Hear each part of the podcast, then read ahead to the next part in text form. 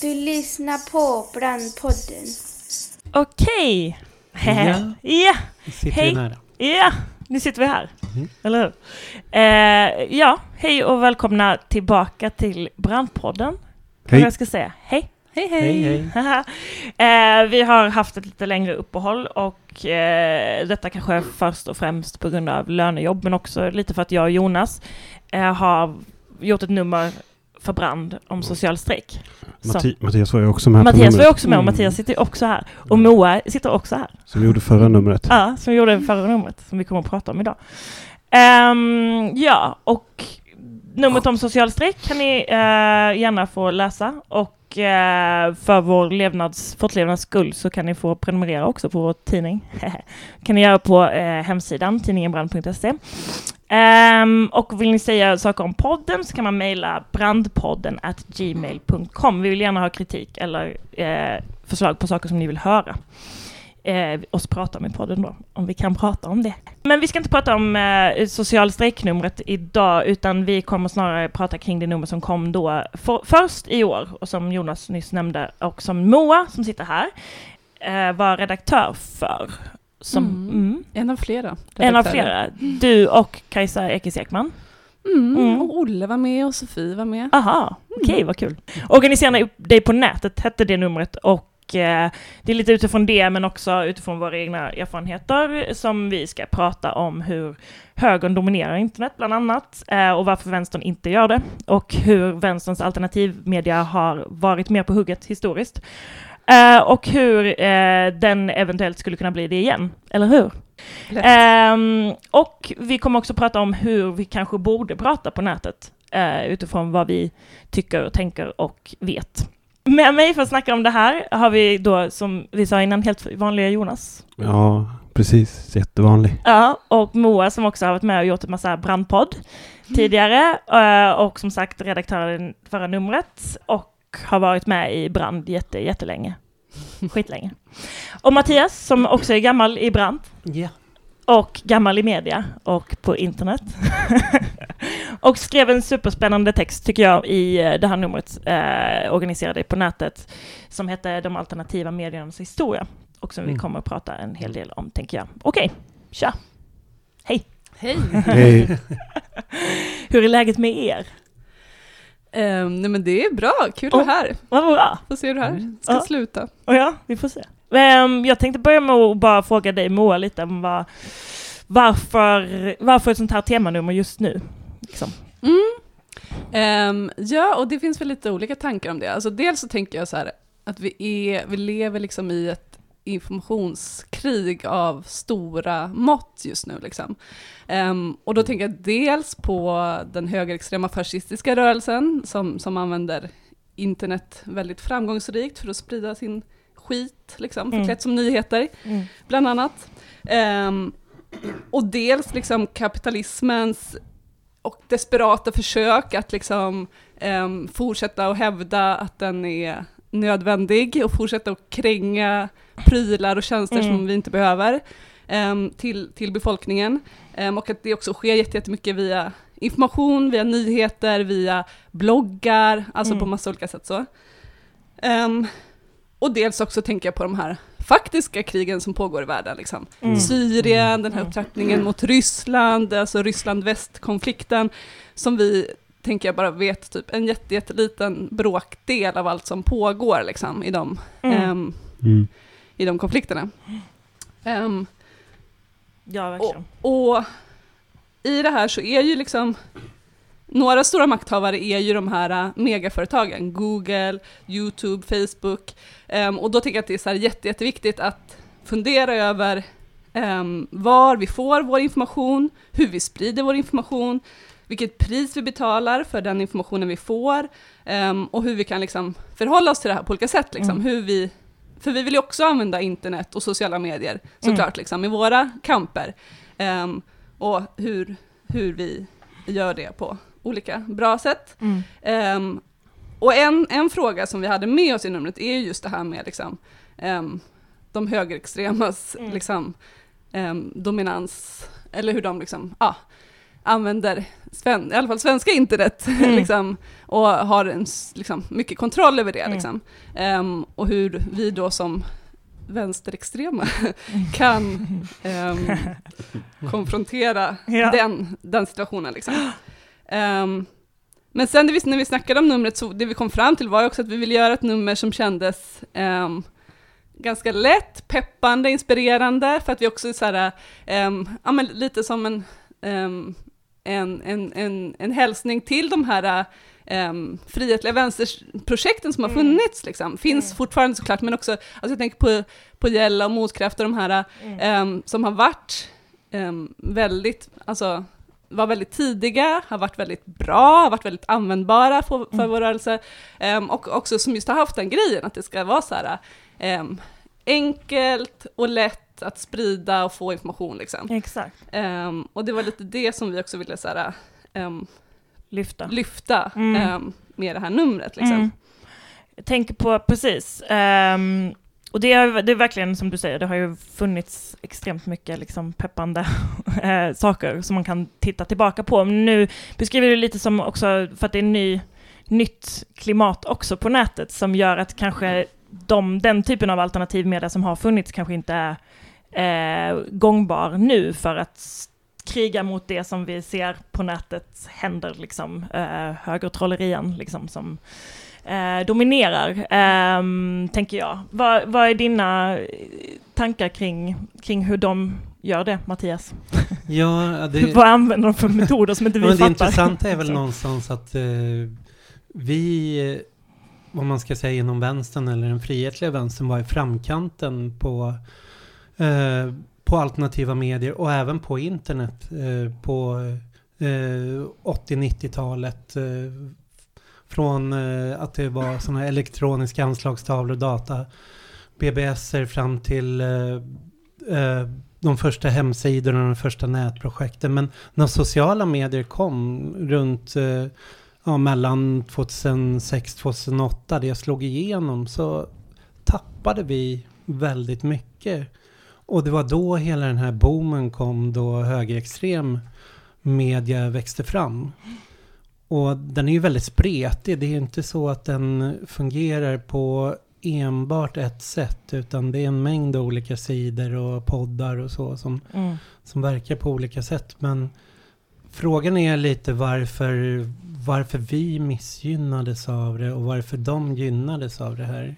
Du har ju lite eh, förklaringar på det eh, i din text, kan man ju säga, lite grann. Jag, jag, I min artikel i Brand så skrev jag lite olika teorier och det, det finns flera. Dels så är ju vänstern har ju, det är ju inte så att vi har tappat media utan vi är ju väldigt fast förankrade i, i pappersmedia, i papperstidningar och där är vi Mm.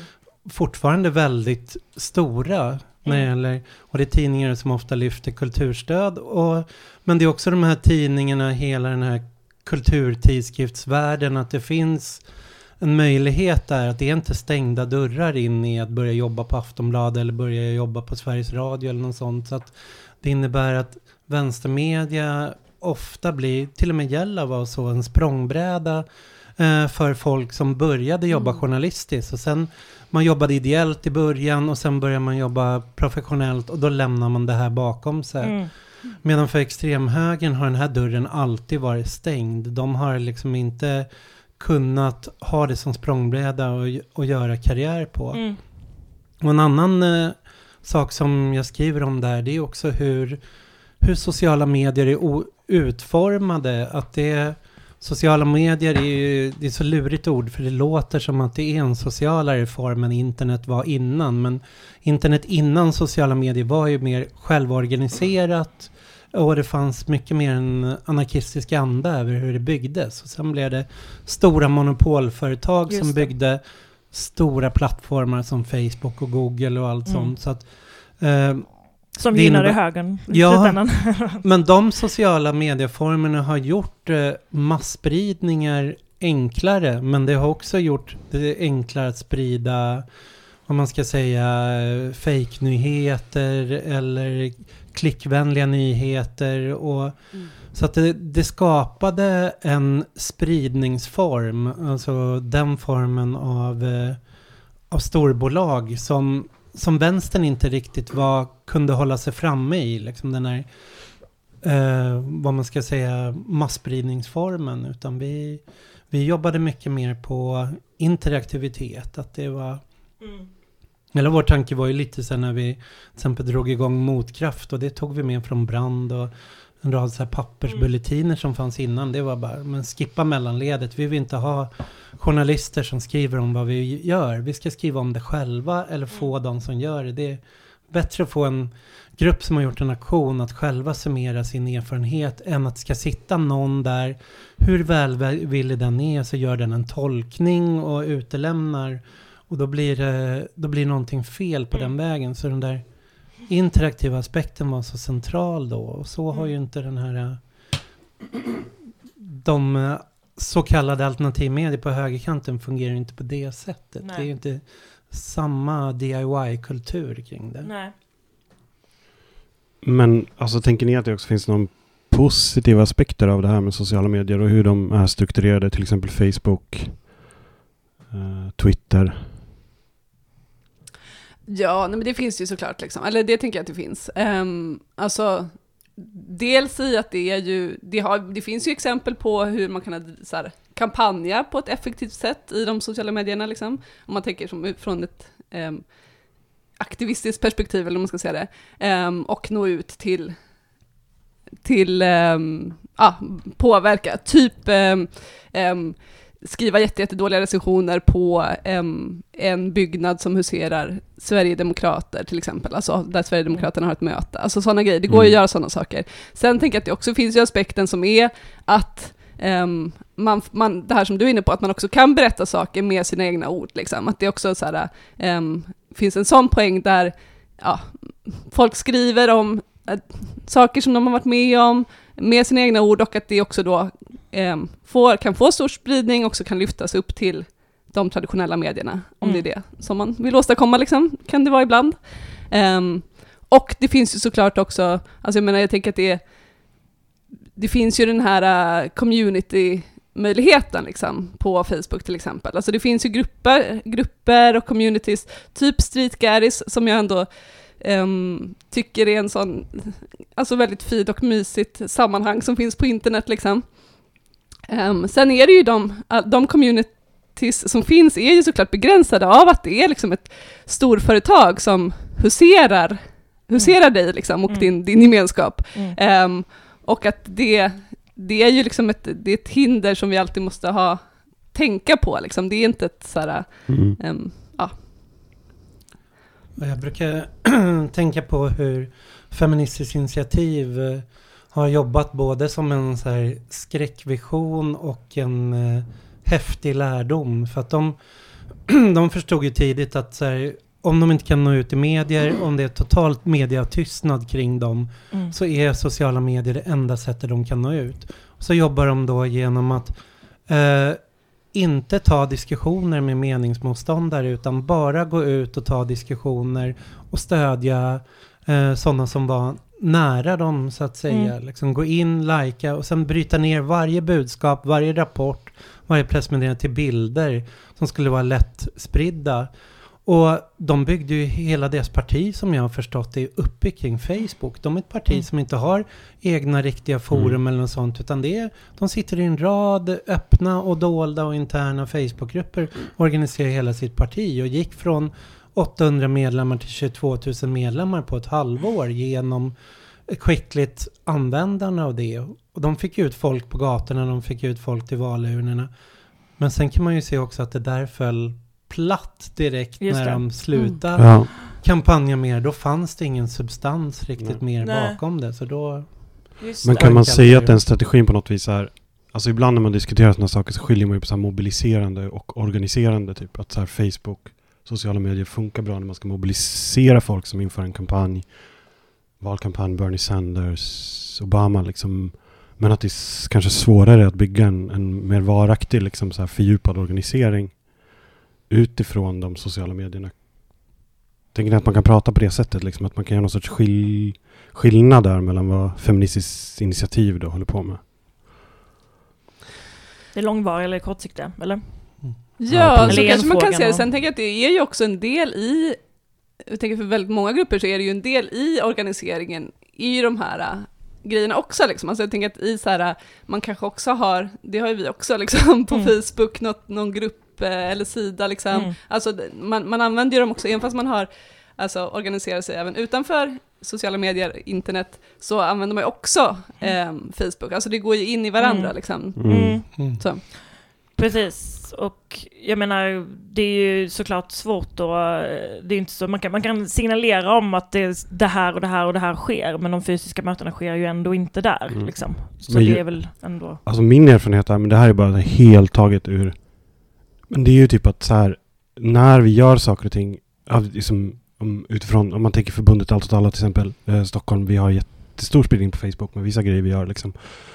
När vi gör saker och ting som har förankring, eh, när vi försöker använda Facebook till någon sorts behov eh, av, av organisering och när det är förankrat i någon sorts rörelse, om det är en hyreskamp eller om det är någon konflikt eller Mm. någonting så är det jag tycker att det brukar vara svårare att få spridning på de grejerna än när vi har liksom så designat saker för att spridas på Facebook. Mm, Då det jävlar är blir det, blir det åka av Mm. liksom.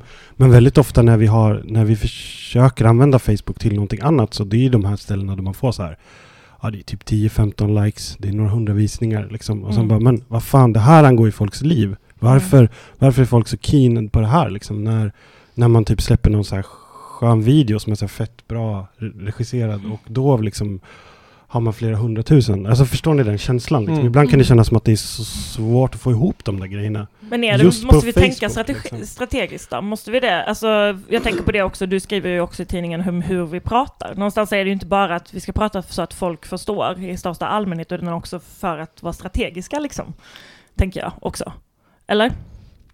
Jag tänker på det, alltså just på hur Fi då, som Mattias beskriver, använder sig av enkla budskap, liksom eh, filmer eller ja, eh, bryter ner eh, komplicerade rapporter till typ eh, enkelt språk så att folk förstår någonstans eh, Ja. också. Hur, hur, tänker du, hur tänkte du när du skrev din text eller så? Var det både och? Ja, alltså jag tror att jag tänker nog inte på det så mycket som, som egentligen som strategiskt, nu ska vi gå nu till massorna typ. Alltså Mm. jag tror inte, för mig är det mer så här, eller alltså, vad ska man säga, att alla har rätt att få, liksom, kunna ta till sig samma information liksom. Dels det, och dels att jag tänker att det blir så himla mycket roligare om vi kan skriva om alla om det vi, vi tänker och tror på våra analyser på ett sätt som väldigt många kan ta till sig för att det kan bli mycket ehm, Ja, det blir mycket bättre om fler får vara Ja. med i det samtalet liksom. Mm. Ehm, och att jag tror att så här, jag tycker, jag har själv skitsvårt att ta till mig liksom em, avancerad politisk teori som vi älskar i vår med. rörelse, liksom i typ bokform, alltså vare sig Ja. det är en fysisk bok eller om jag läser på internet, alltså det, jag tycker att det är skitsvårt liksom. Mm. Em, och då har jag ändå någon jävla masterexamen från universitetet, det finns Mm. massa personer som em, har ännu svårare för det liksom. Mm. Och att jag tror verkligen att det går, typ allt går att säga ehm, på ett lättare sätt liksom. Och det är liksom, man, man behöver inte kompromissa kring att så här, Mm. okej då tar vi inte det här svåra, då lämnar vi det, så här, Mm. då, då håller vi det för oss själva. Alltså det Mm. behöver inte vara en sån grej, så, här, så gör vi ett enkelt budskap till massorna liksom, som är typ en mem eller så här, en, en, Mm. en, en klatschig grej på nätet liksom. Utan det går och ehm, det går att, att liksom ehm, berätta om de svåra politiska teorierna på ett enklare sätt. Mm. Men handlar det inte om vem som berättar då också? Eller? Hur tänker du? Det, där, det där har jag också funderat mycket på. För Mm. att det, vi har haft en väldigt lång diskussion om det där i brand, hur vi ska göra det. Och det, det är väl ingen konflikt, men vi har liksom haft två olika perspektiv. Hur, hur man ska göra det. Och det- representerar ni varsitt ja, perspektiv här lite grann? Vi har gjort det i, i de här diskussionerna. Mm. Eh, för det, ja, men det kräver väldigt mycket träning och väldigt mycket... Att man bör vara van att skriva. Man bör vara eh, van att pedagogiskt förklara för att kunna göra artiklar som är som tillgängliggör teori eller tillgängliggör diskussionen. Och det är där det, ja, någonstans kräver. Jag kan tänka liksom 70-talets vänsterdiskussioner, där fanns ju det också inom de här maoistiska rörelserna som vi ska göra vi ska göra tidningen som Gnistan som vem som helst ska kunna plocka upp och läsa och göra tillgänglig. Och så fanns det de så här lite mer svårtillgängliga tidskrifterna som krävde en del. Och min förhoppning med Brand är att vi ska kunna blanda båda. Både att det ska finnas de här pedagogiska artiklarna som förklarar men också tänker jag att eh, men vi måste vara eldtjuvar som inte bara tar teorierna förutom utan vi måste också ge redskapen till att andra ska kunna plocka upp de här böckerna. Det, det ska inte vara att akademin håller sig med sitt för sig själv och sen så har vi aktivisterna som läser det här. Mm. Utan man måste få så här, men någon gång kanske man behöver verkligen plocka upp Judith Butler eller Mm. kapitalet och sätta sig och läsa de där böckerna. Och då, jag känner liksom att Brand ska då ha varit en hjälp på vägen, liksom att man ska kunna fått vissa begrepp, fått, fått ta steg framåt i det och då kanske tidningen också får ligga på lite, texterna får ligga lite på olika nivåer så att man kan, kan ta sig in i det där sen. Mm. Mm. Och Det det, väldigt jag är ju helt, nu, nu blev det lite debatt här, Ja. men jag är ju helt för det du säger, jag tycker också, alltså jag är helt för att man ska läsa Butler, liksom, eller så här, att man ska läsa ehm, alla de här, liksom, för att jag tycker att det är jätte, jättegivande, liksom. jag tror att det är väldigt givande liksom, för rörelsen och för liksom, personen. Så här. Eh, men jag tycker att jag tycker att det behövs liksom ett steg som är så här mellan, för jag tycker att de svåra texterna i brand är för svåra. Liksom. Jag tycker inte att de är en hjälp på vägen till att plocka upp det originaltexten. där, precis, det där är ett supersvårt uppdrag också att göra det. Ja, men jag tycker också att det är väldigt Kräver kul uppdrag. Liksom. Alltså, så här, det går ju ändå att göra. Jag vet att vi, vi gjorde ett nummer på Lätt Svenska för ett par år sedan. Ehm, och då hade vi bland annat en text, då satte jag mig ner med en, vad, vad var det för någonting nu? Ja, det var en av de här teoretikerna som jag satte Mm. mig ner med en text och försökte skriva om Wendy den. Brown va? Eller? Ja, det var Ja, bra. det var bra. Just det, och skrev om den till ett svenska. Och då Mm. var det som att jag fick flera kommentarer på den som sa såhär, men fan vad skönt, nu Ja. vet jag lite vad hon snackar om Ja. typ liksom. Ja. Och det tänker jag ändå såhär, ehm, den grejen Mm. är, där tror jag att det ändå finns något väldigt intressant liksom, i om, om att göra det mer. Mm. Liksom. För att såhär, ehm, ja, det, det, det kan liksom, ehm, Precis. det är väldigt mycket. Och, Ja. både, och både som den som skriver en sån Mm. text och den som läser det kanske. Liksom. Men det kanske finns Mm. olika sätt att göra det på då också, tänker jag, för jag håller verkligen med. Alltså, jag, jag tänker på den texten också. jag tycker det var så här, jätteskönt. Sen kan det ju finnas kanske tilltalande för vissa människor att man sätter typ en teori i ett visst sammanhang, till exempel. Vi har ett temanummer om Mm. ditten eller datten, gentrifiering, whatever. Och så kommer det en text som kanske inte uppenbart för människor skulle handla om det, liksom. Eh, som kommer från ett annat håll, men nycklar till hur man kan förstå det. Mm. Mm. Det problemet liksom. Eh, Eh, och då kanske det så här, ja men nu kom den här Lenin i England som, whatever.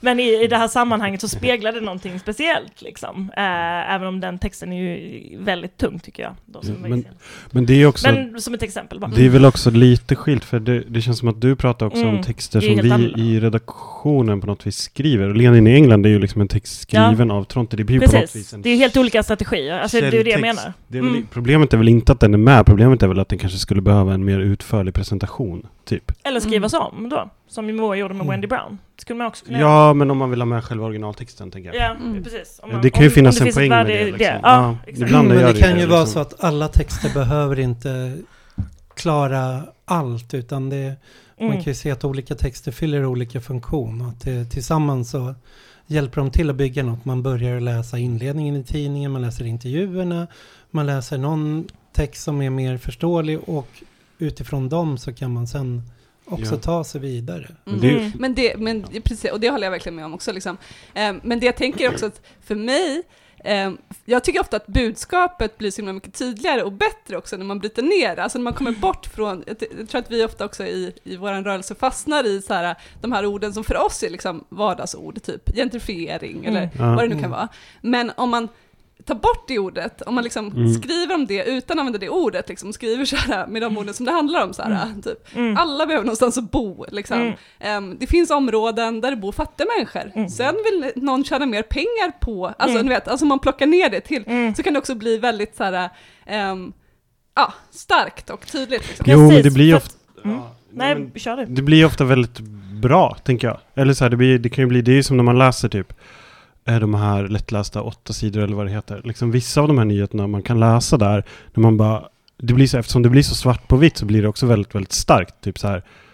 Eh, ja men ni vet när man presenterar så här information på ett sånt liksom superbanalt sätt. Ja. Typ så här, eh, I vissa länder svälter människor.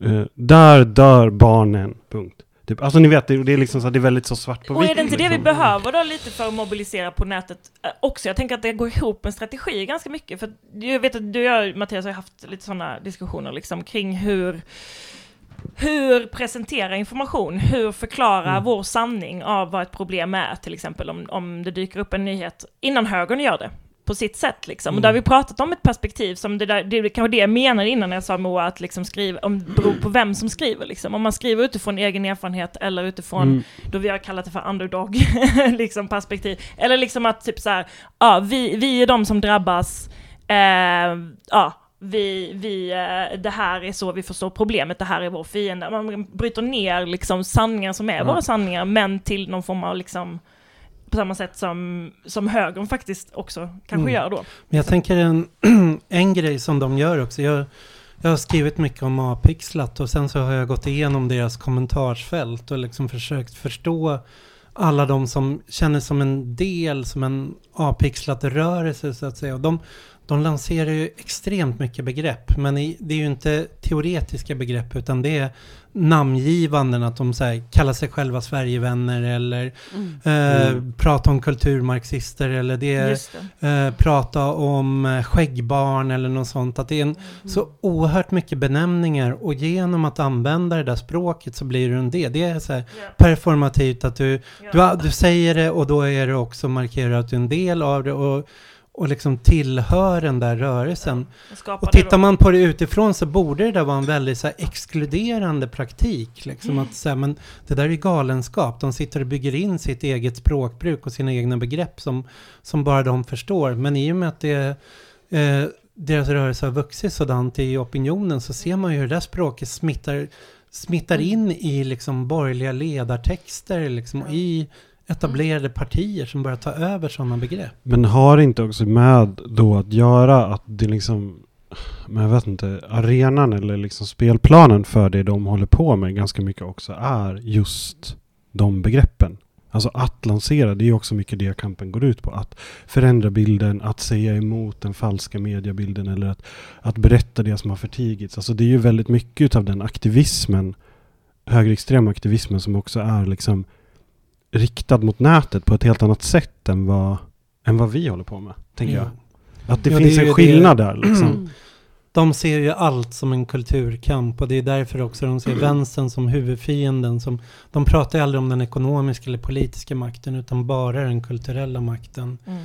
Och då blir det just det där slaget om orden, värderingarna, det sunda förnuftet. Det är liksom, det är deras huvudkamp och där de också ser sig själva som politiska soldater när de sitter på nätet. Att det kan vara ens eh, viktigaste kamp man gör, att gå och slå på datorn och sitta där och nätkriga. Medan för oss är datorn eller de här kommunikationsformerna, det är ett redskap i det andra vi gör. Liksom. Vi, Mm. vi bedriver en faktisk verksamhet någonstans. Det kan vara solidaritetsarbete, det kan vara hjälparbete, det kan vara eh, or- facklig organisering eller sånt. Och så behöver vi använda nätet för Mm. att liksom kommunicera och nå ut. Mm. Inte att det är vår arena nummer ett.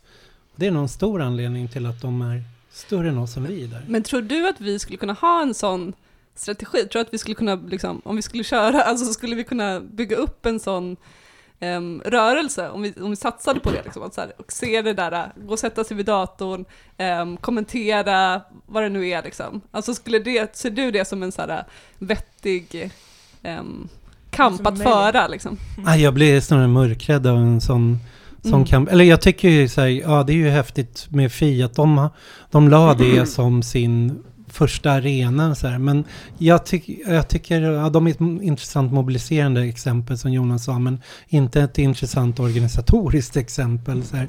Men däremot så, det har ju uppstått en trollmiljö från vänster, en Mm. antirasistisk trollmiljö som är ointresserade av att diskutera politik i, generellt utan bara vill prata om att de är emot Sverigedemokraterna. Precis som Sverigedemokratrollen bara är emot invandring så de är bara anti-SD. Och den miljön, den skrämmer mig nog enormt just för att det är, liksom, det är det enda, enda, enda, enda de, Mm. de pratar om utan att någonsin föreslå någon egen agenda.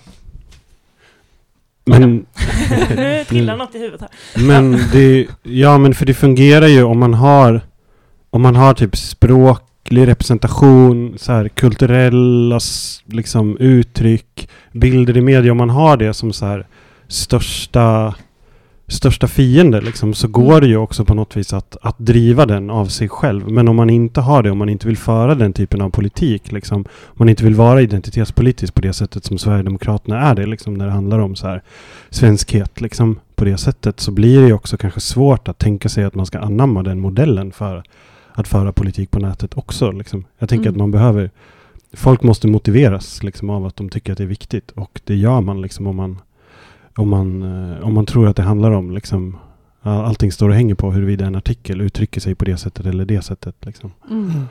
Men, Men det finns en, en mem som sprids på nätet. Eller ja, det finns ju tusentals mem, miljontals mem. Men, men det är en mem som... Eh, där det är en Den sån om där... dig, eller? Ja, nej men nej, inte den om mig. Eh, utan där det är en högerperson och en vänsterperson, liksom, eller vad man ska säga, en identitetspolitisk vänsterperson. Så. Mm. mm. Där höger, eh, vänsterpersonen säger, liksom, svarar på frågor så här, med It's not my job to educate you och liksom är allmänt Mm. fientlig Mm. mot att säga, men förstår du inte, det är inte min uppgift att förklara. Medan den här högerpersonen så här, bara, jaha, du säger att du är skeptisk till invandring, så här, men vänta ska jag springa och hämta våldtäktsstatistik och, men då kan jag berätta om det eh, för islam, att det finns någon så här frälsningstanke där, att de ska hela tiden ut, utagitera med Mm. ofta rätt enkla retoriska modeller, så här, där vi har varit nöjda liksom med att våra slutna miljöer och inte riktigt velat kunna ta diskussionen och Mm. alltså kunna vinna argumentationer eller kunna förklara vid ett fikarum liksom vad, vad man står för och vad man tycker. Men det finns väl också en annan aspekt av det här med social media som jag tänker, alltså i alla fall i början av, nu börjar man ju bli trött på allt, liksom. Men i början av det här med Facebook. Nej men, eh, nej, det kanske bara jag, ni kanske känner den totala... Asocial media. Vad fan Kofifi alltså, det var det roligaste jag läst typ. Nej men, vet du jag kommer ihåg att jag tänkte i början liksom att så här, fan vad folk snackar politik typ. Alltså att det verkligen var en sån enorm spridning av både diskussion av politik, som det inte var på så här gälla och motkrafttiden, liksom så här bland folk generellt. Men också framförallt att liksom sociala medier, den här klickekonomin, alla de här grejerna också lockar fram en typ av positionering liksom. Som, där, där det också blir en polarisering av så här, okej men tycker du, håller du med det här eller håller du inte med det här? Liksom man måste på något vis välja sida. Mm. Jag tycker det har varit så i flera år nu. På, Man måste vara med, typ. man, är, man måste vara med, absolut. Mm. Man måste också välja sida. Så här, är du för eller emot? Och de extrema positionerna blir ju Mm. också på något vis gynnade. Mm. Den extrema texten är den som får mest kommentarer, som blir mest likad eller mest hatad. Liksom. Det, fin- det finns den här liksom, logiken i, i systemet, liksom, i den här jävla infrastrukturen som är, som är nyheter producerade i relation till Facebook och Facebook-statusar och sånt. Liksom. Mm. Mm. Där det också finns en polarisering som jag kan tycka inte helt och hållet är negativ. Liksom. Att det också blir mer, alltså det är ju också lätt, det har ju blivit lättare att få spridning på liksom så här starka påståenden, extrema å- Mm. åsikter. Tycker ni inte det? Jag menar även från vårt perspektiv liksom. Eller? Ska vi tycka om tykonomin? Ja men ja absolut. Like eller inte like liksom. Mm. Likar du den? Ja.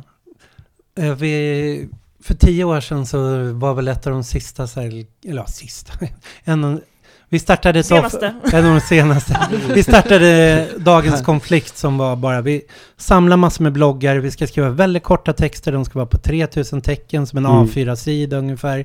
Det ska vara opinionstexter och vi, vi ska inte sitta och bara predika för de redan frälsta, utan vi ska kasta oss in i debatten och in i det offentliga samtalet, liksom in i mediala debatten och kommentera att ockuperar vi hus så ska vi gå ut och liksom skriva under eget namn och förklara, men det här står vi för, det här gör vi. Så här. Men... eh, Vad eh, hände sen? Ja, men det gick väldigt bra under några år, men sen var det verkligen i och med att hela den här liksom tyckandet med sociala medier bara liksom exploderade. Och det flera av oss som var med och drev det där projektet liksom blev bara snarare tvärtom. Så att ja men fan vi pallar inte att vara inne i den här liksom åsikts eh, hysterin liksom där SVT Opinion är liksom den så här yttersta liksom arenan. Utan det var bara men gå tillbaks till vardagliga praktiker, jobba där, harva på och sen hålla käften och inte liksom föra ut det på något sätt. Och det var inte bra heller liksom, pendeln svängde åt andra hållet så att vi blev vi slutade kommunicera för vi blev så trötta på det här liksom åsiktsfascismen. Så. Man kände att man hade annat bättre för sig också. Ja. Jo, men det är ju hur vi mår eller hur folk som man känner mår eller liksom så här. Men jag menar, om man tittar på ett lite större perspektiv, är det inte som att folk också, jag menar det är en polarisering och en politisering som också förstärks av sociala medier? Eller är det bara, är det, sker det bara på ju också- ytan? Ja, liksom? men eller så sker det i din liksom, bubbla på sociala medier. Jag tänker att det finns andra som, när man går in på, ser andras Facebook, du vet, någon Ja. tonåring eller någon Nej. liksom faster eller något man känner, så kan det ju vara Ja. bara att det kommer så här äh, gulliga kattbilder och liksom, Mm. alltså Mm. så här, Mm. ähm, i Men deras de flöden. bubblorna, de bubblorna är ju, det är ju det jag menar kanske att under vissa perioder så har de bubblorna också varit så här politiserade. Du menar en flagga? Eh, Ja, men liksom, inte bara de här grejerna utan också så här, typ, i samband med val eller i samband med stora frågor. Liksom, att så här, det hela tiden dyker upp även bland folk som är opolitiska. Det är inte som att jag bara har Mm. politiska människor i min feed. Liksom. Fast det är väl de du ser, eller? Ja, de har jag blockat. Mm, De flesta av dem. De, det, mesta, det mesta jag ser är ju hästar och katter. Liksom. Mm. Mm, faktiskt samma här typ, nu för tiden. Men, eh, ja. Fast jag, jag tänker det är... Alltså, brukar ju ofta diskutera, och det har ju diskuterats länge, liksom den här motsättningen mellan nya media och gammelmedia. Att det är liksom, ja. att eh, mainstream media är på väg att eh, tappa i upplagor, de minskar, de eh, får inte in samma vinster längre, de minskar journalistkårerna och att det är de här liksom, sociala medierna, alternativa medierna eh, som växer på, på olika sätt. Och jag vet inte, den, om den frågan, det går ju gå in och se på det ur, ur den vinkeln. Liksom, att, eh, jag undrar om det stämmer, liksom, men alltså, för många av de här tidningarna som Aftonbladet så går det ju fortfarande väldigt bra. Deras nä- nätsatsningar är enormt. Men Absolut. däremot så har det ju vuxit en, en stor alternativflora. Och hur många det är som lever i de där filterbubblorna och som har avlänkat sig, kopplat loss Exakt. sig från att läsa. Jag läser extremt lite dagstidningar längre. Mm. Jag har verkligen Klippt det där liksom och det- följer det bara Mm. via flödena ibland, Mm. liksom att jag går in. Men förutom eh, P1 så har jag liksom inte media som min nyhetskälla längre, utan mer Mm. kolla Mm. olika nyheter. Men det är det, ju precis... Det ett, tror jag är liksom, det är ju ett Ja. växande fenomen. men det är ju liksom, också som- en typ av polarisering. Jo, Verkligen, definitivt. där du är har olika mediebubblor där det råder Mm. en väldigt stark hegemoni. Liksom. Mm. Och sen så finns det möjlighet att inte ha så mycket kontakter mellan dem. Mm. Om den bilden stämmer. Så är det ju också... Det är, jag tycker att det politiskt är ju en intressant situation. Liksom. Typ. Det, Det- finns en massa motoffentligheter som står mot varandra. Men den liksom samordnade borgerliga offentligheten som typ någon sorts central instans tappar liksom lite mark. Typ. Mm. Åtminstone intressant. så beskriver de ju det själva. Liksom. Jo, och det Mm. intressanta nu, min lilla spaning om man får säga så, det är att de som har varit stora på alternativmedia har ju varit de som har varit utstängda från, från etablerade media eller mainstream-media på olika sätt eller känt att de inte har fått utrymme där. Men det som verkar komma nu, om vi pratade in tidigare tidigare podd om att vi kanske har gått från så här, en socialdemokratisk hegemoni och en nyliberal hegemoni och att vi är på väg in i någon så här populismens epok med liksom tillbaks till protektionism och nationalchauvinism och så. Då tillbaks till, ja men vad man ska säga, till, till nationen. Och den formen av populism existerar ju väldigt tajt med eh, att det där ställa folket mot eliten och där alternativmedien är en viktig mobiliserande faktor. Att nästan varje sån här populist har ju baserat sig på en egen medieapparat också och ställt sig i krig mot, mot övriga media och förklarat, förklarat dem, ja men att det är där huvudkonflikten mellan dem och övriga samhället är. Och jag tror att liksom det högern, att alliansen håller på att falla samman nu liksom. Och det Svenskt Näringsliv gör nu är att försöka hitta, inte bara liksom att sitta på de så här borgerliga ledarskribenterna och, och tidningarna, utan även bygga en, en borgerlig alternativmedia. Att det som växer är en gråzon mellan SD och Moderaterna, inte bara den här bruna alternativmedien, utan den här blåa, bruna liksom. Yeah. Ja, men det är typiskt.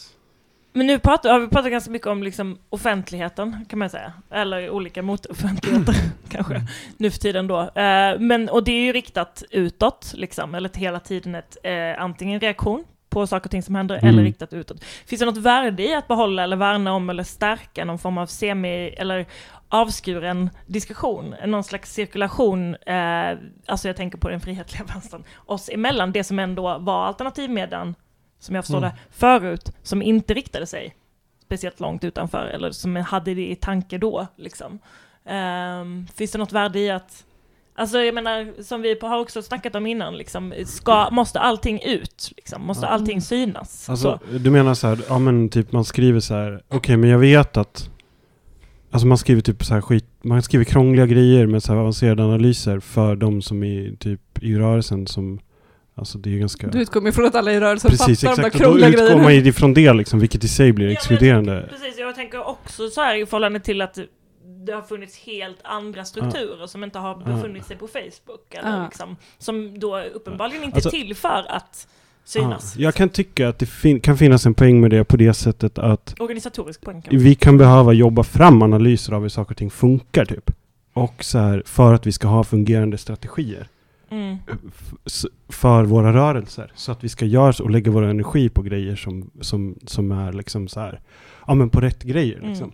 Där det kan vara så här, där det viktigaste kanske är att så här, jobba fram en bra definition av kanske social strejk tillsammans. Och eh, försöka få den att funka liksom. Och sen typ försöka förstå så här, okej men hur ska vi, hur ska vi kunna genomföra det här i praktiken? Behöver vi ens säga så här, nu gör vi social strejk allihopa här ute i folket, vilka fan nu ni är liksom. Mm. Eller, alltså, och där tänker jag att det kan finnas en där kan det finnas en poäng och det finns såklart en fara med det, men det finns också en fara med den andra grejen och det är ju när man också så här man går in i en situation och jag tycker inte att din text är ett exempel på det Moa. Jag tycker att den är helt fantastisk liksom, ibland. Och det perspektivet som du kommer med är skitbra för du också ger konkreta råd på hur man ska göra. Liksom. Det finns någonting konkret. Men det finns andra exempel på när folk försöker göra liksom så här, populism eller försöker göra det lite förenklat som också blir som jag tror kan vara farligt därför att man också så här att man blir så här, man, man blir så här high, high på sitt eget supply, eller vad det heter. Man blir hög på sin egen medicin. Liksom man, Mm. man, man predicerar en bild och sen börjar man så här förhålla sig till saker som att det verkligen handlar om, ja men som diskurskamp liksom. Man ger sig in i kampen om den offentliga diskursen och sen slutar man i en situation där man tror att allting handlar om, liksom så här huruvida man har en bild på en person som ser ut si eller så. Liksom. Alltså förstår ni vad jag menar? Utan att man utan att man tar hänsyn till de maktrelationer som på något vis ligger bakom. Så jag tror att det finns en risk med Mm, det, mm. därför att när vi pratar med... Alltså man producerar förenklade... liksom, Ja, det kan det finnas en fara med, men det behöver ju inte nödvändigtvis... Det kan ju, man kan ju vara superkomplicerad och samtidigt vara helt fel ute. Ja. Mm. Liksom. Det är inte som att man är rätt ute bara för att man krånglar till det. Liksom. Ja, men jag, jag tycker verkligen att det finns en poäng med att ha intern, alltså det jag tänker att det är det vi håller på med när vi sitter Mm. här i den här podden med brand, med brandbloggen Mm. som vi har Mm. liksom, eller sajten. Ehm, Gnistor tänkte du? Eller? Gnisterna tänker jag på. Mm. Eh, som ändå är, som jag tänker så här, det är ju väldigt, alltså det är ju för våran rörelse liksom. Ehm, och sen som andra snappar upp det och tycker att det är intressant, Mm. jättebra liksom. Men att det ändå är så här saker som vi gör eh, internt i rörelsen liksom. Och att eh, det tänker jag är alltid är berättigat. Liksom. För att även i det här läget där vi kanske inte har, vi, vi, det är liksom inte en tid i historien där det finns liksom massiva frihetliga fackföreningar eller liksom andra så här gräsrotsrörelser, Mm. så på det sättet. Men, men att fortsätta tänka, skriva, läsa, liksom kommunicera med varandra, det måste vi göra hela tiden. Liksom. Eller så här, vare sig den här Mm. ehm, liksom, revolutionära rörelsen finns där så måste ju vi så här, äh, och, ja, så måste vi ju hela tiden fortsätta ehm, tänka och prata liksom, Mm. med Mm. varandra. Mm. Jag, jag Mm, tror ju att vi är väldigt dåliga på att dokumentera vad vi gör och vad vi... Och att det är, vi är lite en guldfiskrörelse, att många av de här medieprojekten också är väldigt kortlivade. Att det finns en poäng att bygga upp de här eh, textarkiven, bildarkiven, filmarkiven, nyhetsarkiven och också sånt för att man ska ha egna wikis för att kunna lära sig av vad man har gjort tidigare och se vad man har gjort tidigare. Att det är det viktiga. Men, Mm. Och det är också hur vi förhåller oss till händelser. Att där kan man återigen liksom dra exemplet hur extremhögern jobbar. Att för dem är varje händelse en början. Det är en iscensättning som de går ut och filmar. Som de sen ska använda massivt i propagandasyfte och går ut och liksom pumpar ut. Medan vi gör en mobilisering fram till 8 mars till exempel. Gör en eh, global kvinnostrejk. Och sen efter det är vi rätt tysta. Då är vi Mm. färdiga och Ja. trötta och har liksom gjort det. Istället för att se att men det här var liksom ett tillfälle vi skulle kunna ha som startpunkt för den här diskussionen. Liksom, och ta allt det som skedde världen över liksom, för att Mm. gå vidare. Nu har ju Brand gjort flera poddar Mm. om det och vi har har ju tagit upp det liksom, i vårt första majnummer. Men det är ändå, det där tänket liksom, finns inte så djupt Mm. i oss på det sättet. Att, Men det är ju så här kortsiktigt och osäkert på något vis, precis som allt annat i samhället. Det är ju inte så konstigt att så här, saker och ting känns temporära när typ vår bostadssituation är temporär, våra arbetsvillkor är temporära och vi lever väldigt temporära liv. Liksom. Och det är ju på något vis också som att vi... Jag kan tycka det med vissa av våra organisationer Men- också, mm. att de verkligen är uppbyggda på ett sånt sätt som är väldigt så här... Ja, och jag undrar om inte också det här äh, informationssamhället som vi, har pratat, äh, som vi pratar om också har Exakt. med det att göra. Liksom. Absolut. Det här, hänger minnet, det kollektiva minnet är så jävla kort just nu. Liksom. Mm. Alltså, det, kan komma, det kan komma grejer på Facebook som bara Oj, har det här hänt? En stor nyhet! Mm. Fast sen hände samma sak för liksom tre månader sedan, bara att folk har Mm. glömt Ja. det. Och det Liksom. sjuka är ju liksom att... Som attacken i natt tänkte jag på, London. Liksom. Att det typ så här, just det men det var ju något i Manchester nyligen också. Alltså som att det det var ju skitnära i Men det tiden. konstiga är ju liksom- när man också förhåller sig till den offentliga diskursen som om den vore permanent. Typ. Jag tänker på den här, ja, men vi har diskuterat det här, jag vet inte om vi har gjort det i podden eller i andra sammanhang, men det här med flyktingmottagandet. Liksom, där vi inom rörelsen som höll på med flyktingmottagandet agerade liksom som om offentligheten, när offentligheten var liksom så här, det var jättestort stöd, det var Allan Kurdi, det var liksom de här bilderna, det var jättestort stöd för att ta emot flyktingar. Och vi agerar liksom också som om det stödet i offentligheten från politikerna är liksom någonting permanent. Som Mm. att säga, okej men nu står stolen där för att vi har ställt stolen där. Och bara det är klart att stolen inte flyttas av sig själv liksom. Och sen helt plötsligt så vänder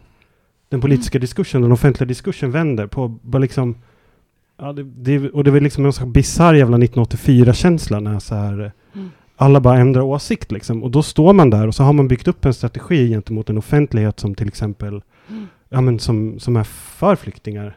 Mm. När man, och så helt plötsligt ändras den offentligheten för att den offentligheten i sin tur är beroende av så här konkreta ägarstrukturer och vilka som sitter vid makten och vilken strategi de just nu väljer. Och då kan de vända strategi därför att de har möjlighet att göra det, därför att de sitter på den faktiska... Även det finns något problematiskt också i att man liksom man tror på något vis att man börjar förhålla sig till offentligheten som att den är liksom permanent, när den är liksom till och med till och med den kan liksom skifta Mm. över dagen. Liksom. Mm. Eller är ni med på vad jag menar Mm. nu med liksom... För där, när man ser det här med informationshysterin, eller vad man ska säga, det snabba liksom flödet, så det här liksom motsättningen mellan gammelmedia och ny, med, ny media, den är ju på det sättet falsk. Att där är ju, nya medien är ju bara en uppspeedad gammelmedia. Att A-pixlat är ju bara Expressens eh, eh, tabloidjournalistik liksom dragit ett snäpp längre liksom. Att man eh, istället för pixla en brottsling så avpixlar man brottslingen. Men det är samma hysteri liksom. Vi vi brott, vi blåljusjournalistik liksom.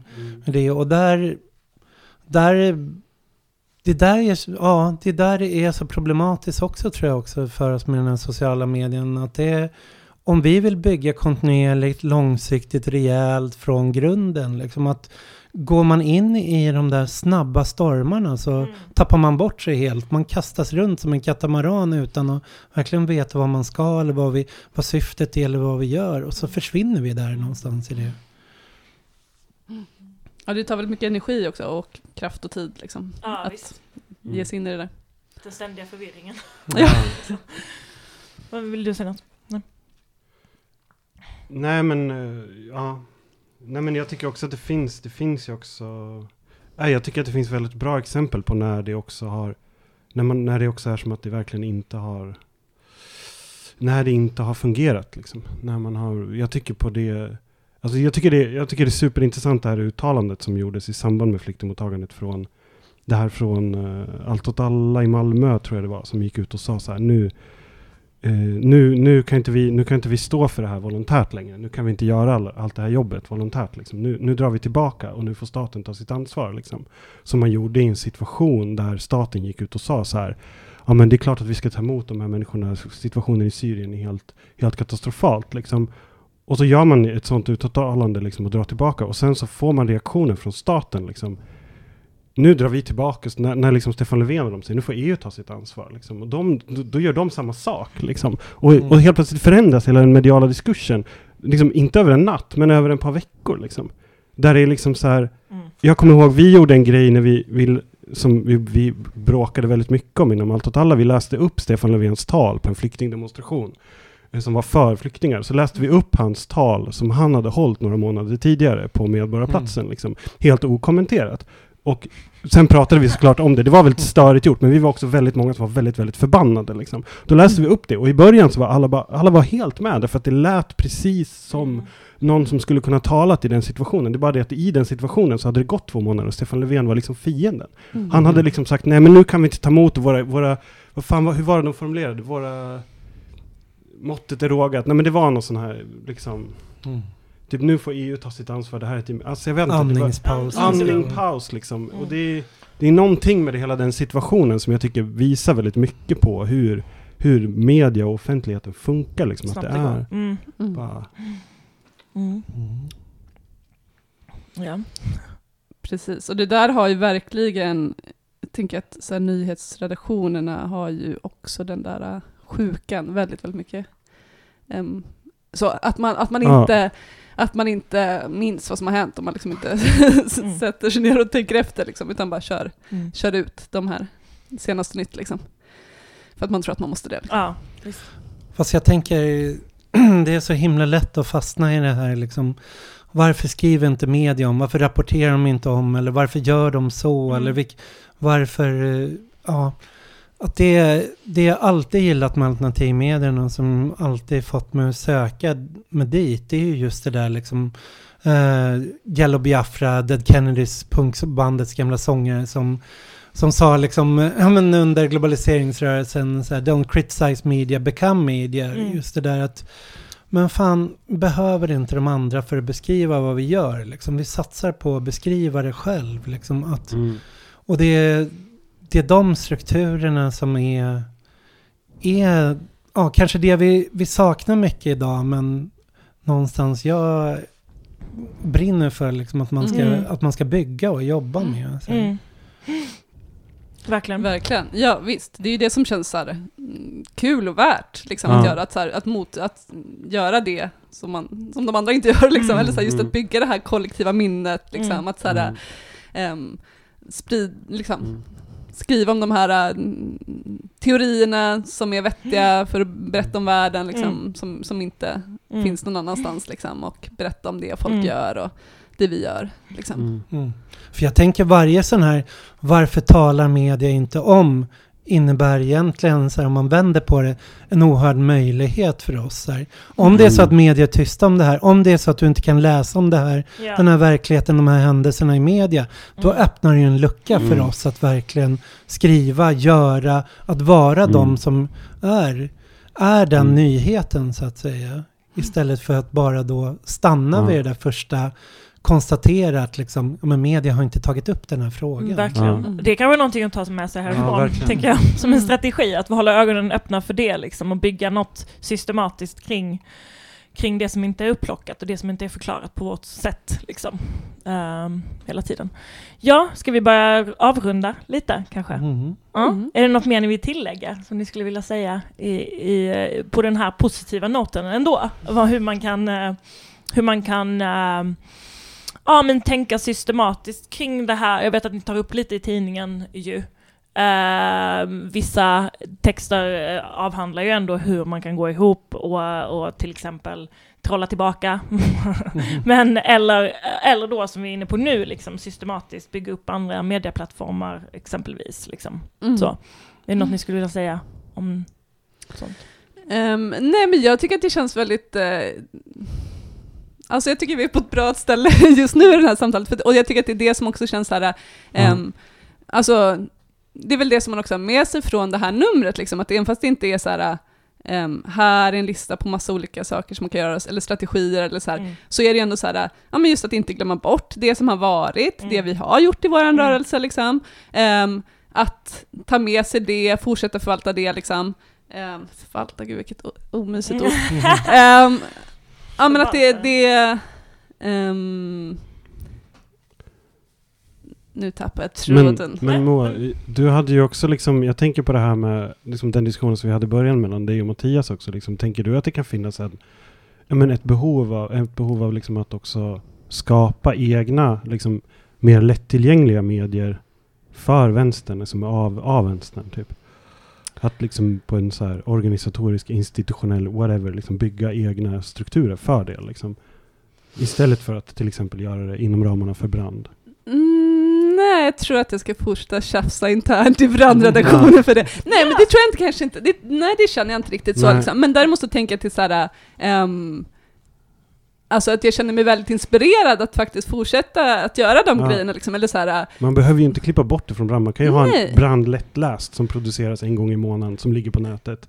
Typ åtta sidor brand. Eller vad, du vet liksom. ja, det eller finns bara ju, liksom, alltså, fortsätta jobba med det inom den ramen Ja. för brand och Mm. eh, även eventuella framtida, liksom, jag tänker att det nu finns snack om andra eh, olika plattformar och sådär som kan kom, växa Mm. fram på nätet. Mm. Ehm, och att där, eh, tänk att ha, ha, ha med det tänket och ha med sådana faktiska liksom, ehm, texter liksom, som är skrivna på lätta sätt, så här, Mm. som, som förklarar komplicerade teorier på lätt sätt. ja. Ehm, det tänker jag verkligen kan finnas inom det, för att det inte heller så här, Men, Mm. behö, ja, det behöver inte vara något separat liksom. men Mm. det var ju, du snackade ju också om det Mattias med, liksom i början om liksom att folk också kanske men folk använder medierna som en språngbräda, våra interna medier som en språngbräda, in i en karriär i resten av offentligheten. Finns det också någon sorts, finns det ett litet problem där i relation till de sakerna? Att vi också, jag menar att allting sker också volontärt. Liksom, ingen har möjlighet att försörja sig nästan på väldigt mycket av det vi gör. Liksom, alltså finns det, kan man börja diskutera typ så här, ge arvoden till folk eller se till så att människor också kan leva lite Det grann på det de gör? Liksom. nej men det har ju, Avrunda med... nej, men det har jättemycket med de här sakerna att Ja. göra tänker jag. Jo, nej, men, ja. Jag vet inte om vi behöver fler anställda egentligen. Att jag, jag satt och räknade på det där, liksom Ja. att per, per 10 000 eh, läsare som den bruna alternativmedien har, har de kanske en anställd. Per tusen läsare som vänsterns media har, har de en anställd. Att vi, vi har väldigt många anställda per, per läsare, utan jag tror snarare att vi behöver öka ja, men den här DIY-kunskapen, gör det själv, få fler att skriva, få fler att rapportera, få fler att delta. Det är den biten. Och Ja, det tror jag också. För om jag ska säga något avslutande så är Ja, det, gärna. min, min text i brand handlar ju lite om alternativmedians historia. Och det, alternativmedien by, handlar ju väldigt mycket om att bygga egna strukturer för att kunna dels lyfta egna frågor, men för att kunna skriva själv, men också ha kontroll över de här tekniska plattformarna av, över datorer, över skrivmaskiner, tryckpressar, allt sånt.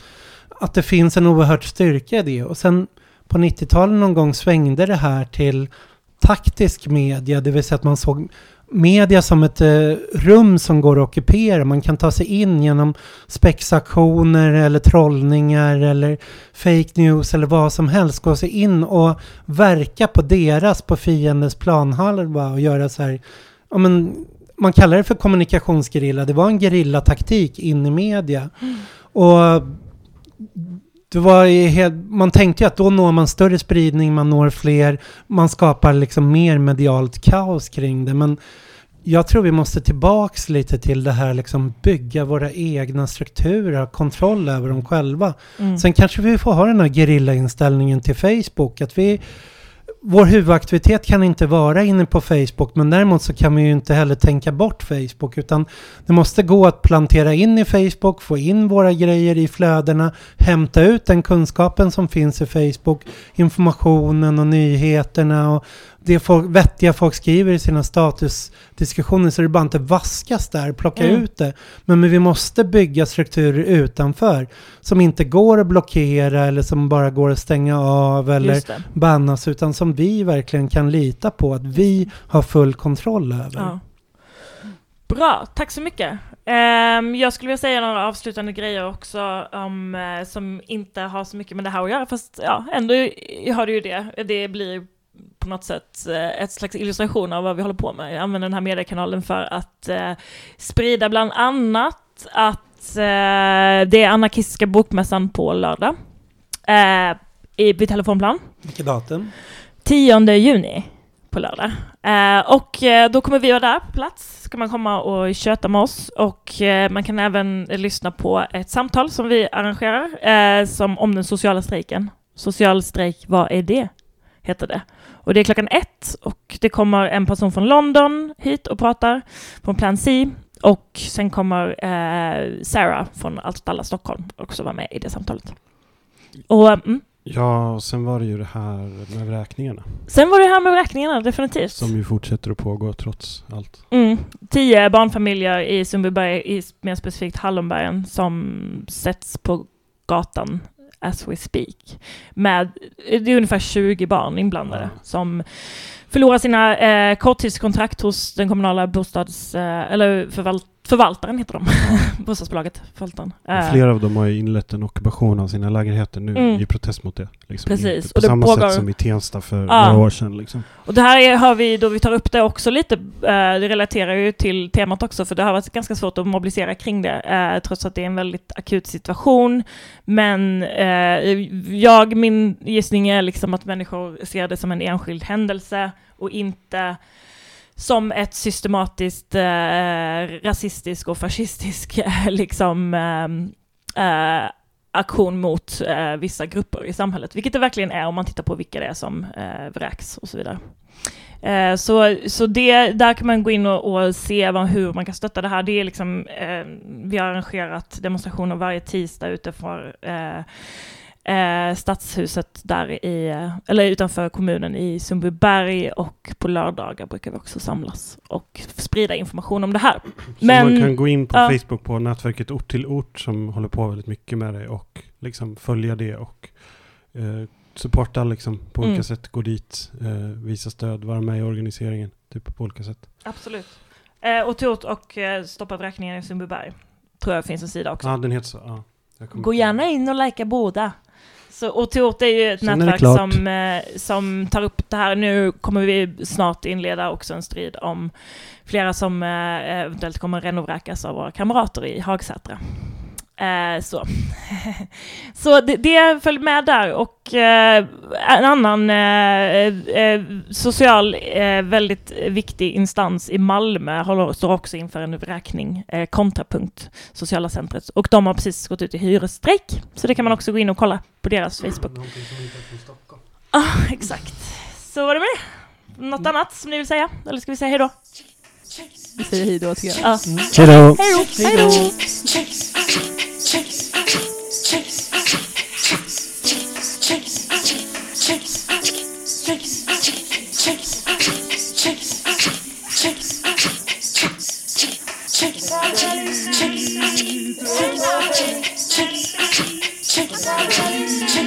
Lyssna på Brandpodden.